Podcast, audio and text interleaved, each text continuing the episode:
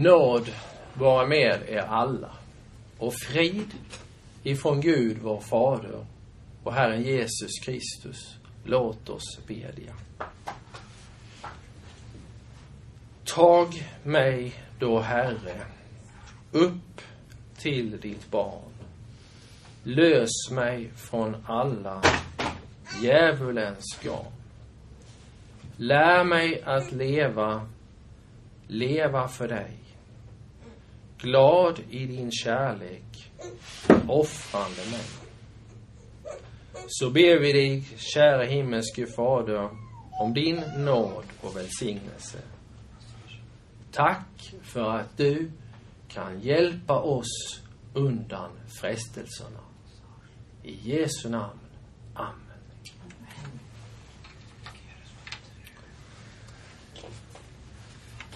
I onsdags så var det askonsdag. Och vi gick in i fastetiden. Fastan har många, eller firar många religioner. De har det som en del i gudstjänstutövandet. Inom till exempel islam så har man ett schema på 70 punkter som man måste iakttaga under fastan för att den ska ske på rätt sätt. Fokus i många religioner utanför kristendomen är vad du måste göra och vad du inte får göra. I Sverige så var fastan lagstadgad när Sverige var ett katolskt land ända fram till 1500-talet. Varför blir fastan så lätt fel? Man glömmer det egentliga. All fastan går alltid igenom vår Herre Jesus Kristus. Har vi inte honom för ögonen i fastetiden, då blir det fokus på oss själva. Det är ju han som har gått den tunga vägen upp till Jerusalem för din och min skull. Profeten Jesaja, han varnade redan på 700-talet före Kristus för en fel fasta. Han sa så här, folk hänger med huvudet som ett sävstrå och sätter sig i säcktyg och aska. Vill du kalla det att hålla fasta och en dag till Herrens välbehag? Nej, säger profeten, detta är den fasta jag vill ha. Lossa orättfärdiga bojor. Lös okens, okets band. Släpp det förtryckta fria och bryt sönder alla ok. Vad lär då vår bibel oss om fastan? Jesus säger själv att syftet är att föra oss närmare vår Herre Gud. Genom att understryka vår egen svaghet och bräcklighet som fysiska människor. Genom att fasta på så sätt göra oss ödmjuka så att Gud kan komma närmare oss och ge oss den kraft som vi behöver. Jesus förklarade att om vi står inför någon svår prövning så säger ju vår Bibel det krävs bön och fasta för att vi ska klara av det. Fastan kan inte skiljas från frälsarens stora gärning. Sången vi inledde med idag, den är egentligen utläggningen för hela den här dagens text. Se, vi går upp till Jerusalem. Det är vi som får följa med Herren Jesus. Förra söndagens texter på fastlagssöndagen lärde oss också vad fastan var. Lärjungarna, de var ju förvillade. När Jesus sa till dem att vi skulle gå upp till Jerusalem, att de skulle gå med för att se att han skulle dö i syndares ställe. det ville de inte låtsas vid. Det förstod inte Herrens lärjungar. Varför måste detta ske? Att han skulle lida, det var för dem främmande, lika som om det själv skulle behöva göra det. Det går upp till Jerusalem, till Tempelberget, till Moria berg, där tidigare nu, som vi läste i vårt gamla testament, Abraham hade gått upp för att offra sin son Isak. Han behövde inte offra sin son Isak. I törnesnåret ligger Guds lam som offrades, baggen som offrades för Isaks skull. Och det står om Abraham i Nya Testamentet att Jesus säger det själv. Och Abraham fick se min dag och han såg den och blev glad. Vad är min dag? Vad, när Jesus säger så, att göra min vilja och Gud är min lust. Herrens dag är att lida och dö för människosläktet. Din och min rättfärdighet, den vilar inte på vad du har gjort, utan på det som hände år 33 vid nionde timmen. När Gud sa, det är fullkomligt. Där ligger din och min rättfärdighet. Din trygghet.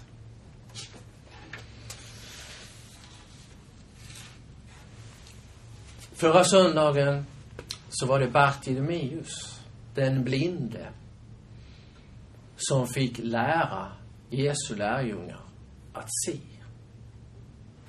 Han blev ett exempel för lärjungarna. Han visar hur man lär känna Herren Jesus. Inga jordiska kläder förvillar Bartolomeus. Han visste, han ropade på hjälp och han behövde hjälp. Han kunde inte se Jesus, men han visste att Jesus kunde se honom. Där börjar undret. Jesus ser honom, hör honom och ger synen tillbaka. Och säger din tro har hjälpt dig. Vilken tro! Vilken examen och vilken fasta hade han visat Herren Jesus. Ingenting. Han hade ropat på hjälp. Han hade ropat på Jesus och det räckte som ett tecken på tro. Bartimeus såg vem Jesus var egentligen utan att se honom. Trons öga såg fast han var blind. Det var därför han ropade. Det var det som var hans trosbekännelse. Fastan har också genom alla sina söndagar ett kampmotiv, en strid om att bli räddad. Idag är kampen som vår text handlar om inte vilken kamp som helst. Utan den äger rum mellan de två största huvudfienderna i den här världen. Mellan de två största huvudfienderna i den här världen. En vill rädda dig. En vill snärja dig. En vill förlåta. En vill anklaga. Kampen sker inte var som helst. Utan i dagens text så skedde den på djävulens egen hemmaplan. I öknen, i hettan. Ja, närmast den plats som är denne onde fiendens verkliga hemvist. Denna onda andemakt, det är ingen ofarlig skämtfigur som vi brukar se med horn i pannan och en treudd i handen, som han ibland avbildas med. Vi måste slå fast att han finns. Vi kan inte annat än se honom om vi ser oss omkring vad som händer i världen. Och han finns och han är rastlös verksam. Du behöver inte läsa Bibeln för att förstå det. Vi ser det av allt ont och destruktivt som han får oss människor att göra. Hans bästa medel, det är frestelserna som hör det här livet till. Och det måste vi slå fast med en gång att frestelserna kommer aldrig från Gud utan från denna själafiende. Gud prövar oss, men han frestar oss aldrig. Djävulen frestar oss alltid. Precis som det står i Bibeln, ty så som Gud inte kan frestas av något ont, så frestar han inte någon. Det är Bibelns tydliga och klara undervisning. Men sådant livet blev efter syndafallet så är det inte, inte möjligt annat än att vi frestas. Jesus säger också förförelse måste komma. Det kommer som katekesen säger delvis utifrån och frestaren, det är en verklighet. Han finns. Hans taktik går alltid ut på att väcka misstro mot Gud och mot hans ord. Tvivlar på att Gud vill vårt bästa. Inbillar oss att det är lyckligare om vi tar saken i egna händer och inte lägger dem i Guds händer.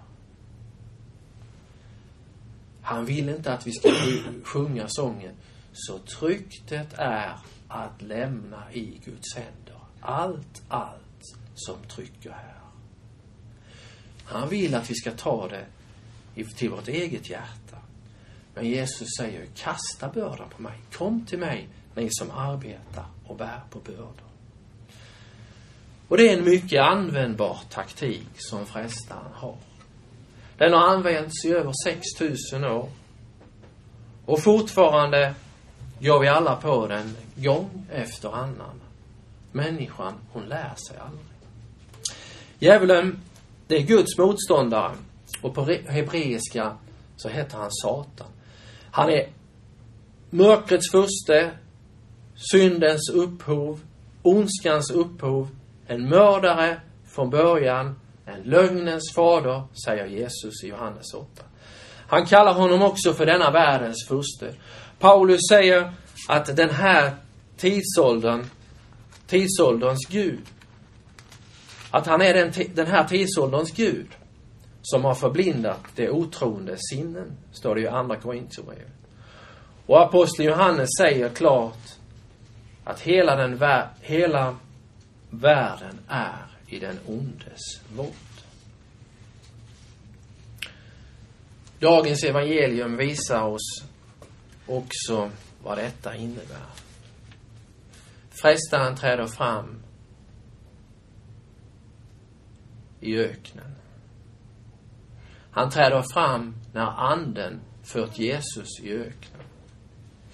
Vi måste säga med en fas och tydlighet denna söndag att frestaren och djävulen, han representerar inte bara den ondska som stundtals kan uppträda hos oss människor. Djävulen, han bär på en större ondska som överstiger den mänskliga ondskans alla begränsningar. Varför kan vi säga det? Där i öknen, vid Herren Jesus sida, där framträder han som upplevt Adam och Eva. Och han som har dragit ner hela människosläktet i synden, i döden och i sitt våld. Och som är upphovet till att förbannelsen också har drabbat skapelsen. Det är ingen liten figur vi pratar om. Och han ser nu som sin största uppgift att tugga sönder själar och dela sin undergång med så många som möjligt. Paulus säger i Efesierbrevet, fursten över luftens härsmakt, över den andemakt som nu är verksam i det ohörsamma. Det finns mycket undervisning härom. Och det är klart, hade vi inte haft den onde, hade vi försökt att föra bort ondskan, då hade vi inte behövt ha någon gudstjänst här varje söndag. Finns inte den onde, finns inte djävulen som en aktiv person som försöker förstöra Guds verk, då är det meningslöst att fira gudstjänst. Men vi tror att han finns. Men Gud uppenbarade Herren Jesus för att göra djävulens gärningar om intet. Här är den stora trösten. Det finns hjälp, kära vänner. Du och jag, vi frestas ofta. Vi gör inte alltid som vi vill. Utan det som vi inte vill, det gör vi. Men det som vi vill, det gör vi inte. Det händer med oss var och en.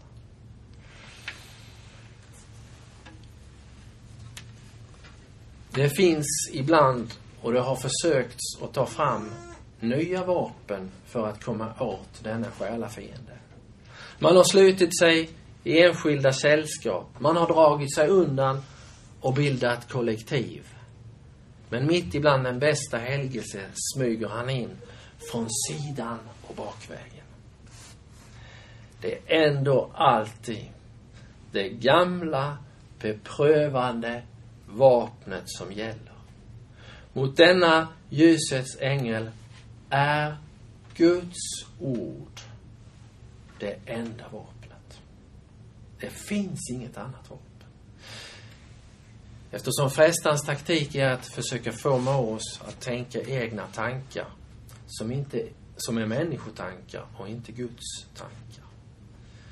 Guds ord är vapnet. Där finns din och min räddning. Jag tror säkert Luther tänkte på den här texten när han skrev sin berömda psalm. Och där står i en vers, ett ord kan honom fälla. Tänk på det. Om ni glömmer allt annat i den här predikan på första söndagen i fastan, så glöm inte det här. Ett ord kan honom. Ett ord ur skriften. Det är starkare än det tvegade svärdet. Det tränger igenom. Det är det värsta djävulen vet. Där man blandar Guds ord, där det finns en kyrka som har både människoord och Guds ord. Det har inte djävulen bekymrar honom inte så mycket. Men där Guds ord predikas rent och klart, där vi framhäver ordet och det är det som gäller, där har han, sätter han in sina största attacker. Det är det vi måste vara beredda på. Guds ord är vapnet. Där finns din räddning. Ett ord kan honom fälla. Vad gjorde Jesus i öknen? Han hade inga vapen.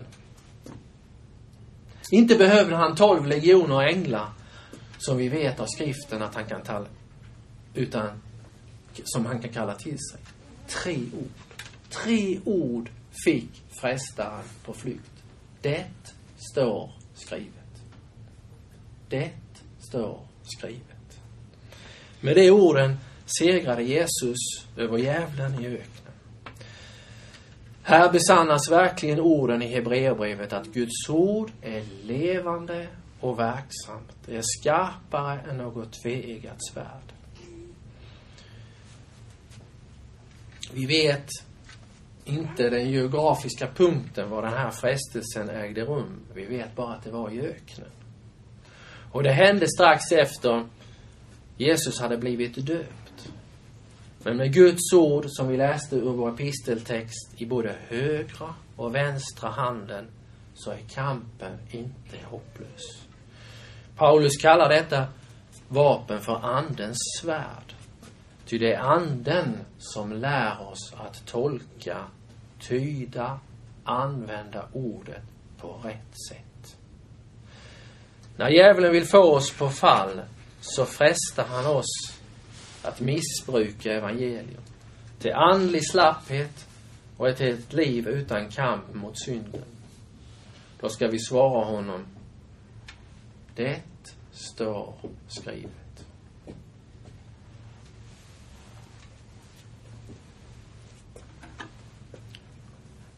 Vi är skapade i Kristus Jesus till goda gärningar som Gud har förberett att vi ska vandra, och vi ska vandra dem. I kampen mot frestelsen så gäller det att veta vad som står skrivet. Djävulens strategi är alltid att försöka få bort oss från Kristus. bort oss från gudstjänsten, bort från nattvardsbordet, från Guds innerliga, livgivande möte med Herren Kristus och Frälsaren. Han försöker alltid slå en kil mellan oss och Kristus och fånga oss i olika synder. Men kära vän, du har fått vapenrustningen. Alla här kan läsa Bibelns ord. Och det är gratis, det kostar ingenting. Och de orden, de håller honom tillbaka. Den sammanfattar också aposteln i orden som trons sköld. Vi vet hur viktigt det var förr i tiden. Idag har man ju så starka vapen så då hjälper ingen liten sköld. Men förr i tiden, när det var spjut och så här, då var ju skölden absolut nödvändig. Hade man inte den så kunde man inte stå emot när man blev antastad. Med den kan vi släcka, säger Paulus, den ondes glödande pilar. Och med andens svärd kan vi hugga huvudet av alla frestelser. Men detta sker, säger vår heliga skrift, under ständig åkallan och bön. Ja, vi vet att med ordets hjälp så kan vi trampa Satan under våra fötter. Sån makt har ordet. Så har denna söndag lärt oss att Jesus kom för att göra slut på djävulens gärningar. Han har varit i frestad i allt som vi, dock utan synd.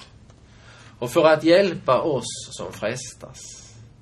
Därför kan du som är svag säga Helga Bibel, Herrens ord. Största skatt på denna jord. Hur kan du säga det? Jo, ordet det är dina fötters lykta och det är ett ljus på din stig. Ja, Bibeln säger att det är ljuvare än honung. Ja, Bibeln säger också om en himmel och jord förgås, så förblir detta ord i evighet.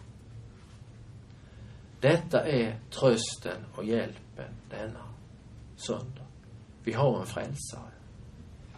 Och du får tacka att du har lärt känna honom. Han är din. Han känner dig. Han vet vart steg du tar. Och som det står i salmen, han ska beskydda dig så du inte stöter din fot mot någon sten. Han har räknat dina dagar förrän någon hade, hade kommit. Han har bevarat din utgång och din ingång, står det i salmen, för nu, från nu och till evig tid. Det är frälsarens ord när vi möter djävulen. Och de får vi ta till oss. Han har också lovat att han aldrig ska överge oss. Han är densamme igår och idag och i all evighet. Det hörde vi som var med på jordfästningen i fredags av Alva Svensson. Det är trösten.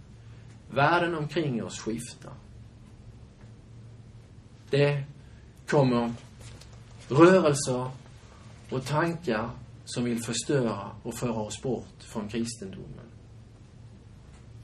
Men Kristus är densamme. Igår och idag och i all evighet. Ta din förtröstan till honom. Han har lovat att hjälpa dig. Och det gör han. Dag efter dag bär han oss. Gud är vår frälsning. Halleluja. Amen. Låt oss bedja. Så tackar vi dig Gud, du vår kära himmelske far. Tack för att ditt ord är klart. Och tack för att det upplyser ögonen. Och vi ber dig att du hjälper oss mot alla frestelser. Du vet att vi så lätt vill vandra vår egen väg. Men Herre, lär du oss gå på dina budordstigar. Precis som det står i förklaringen så det må gå oss väl och vi må länge leva på jorden. Herre, vi överlämnar den här församlingen. Vi överlämnar vår kyrka och alla medlemmar och alla som lyssnar till ditt ord i dina beskyddande fadersamma. Hör vår bön för Jesus skull.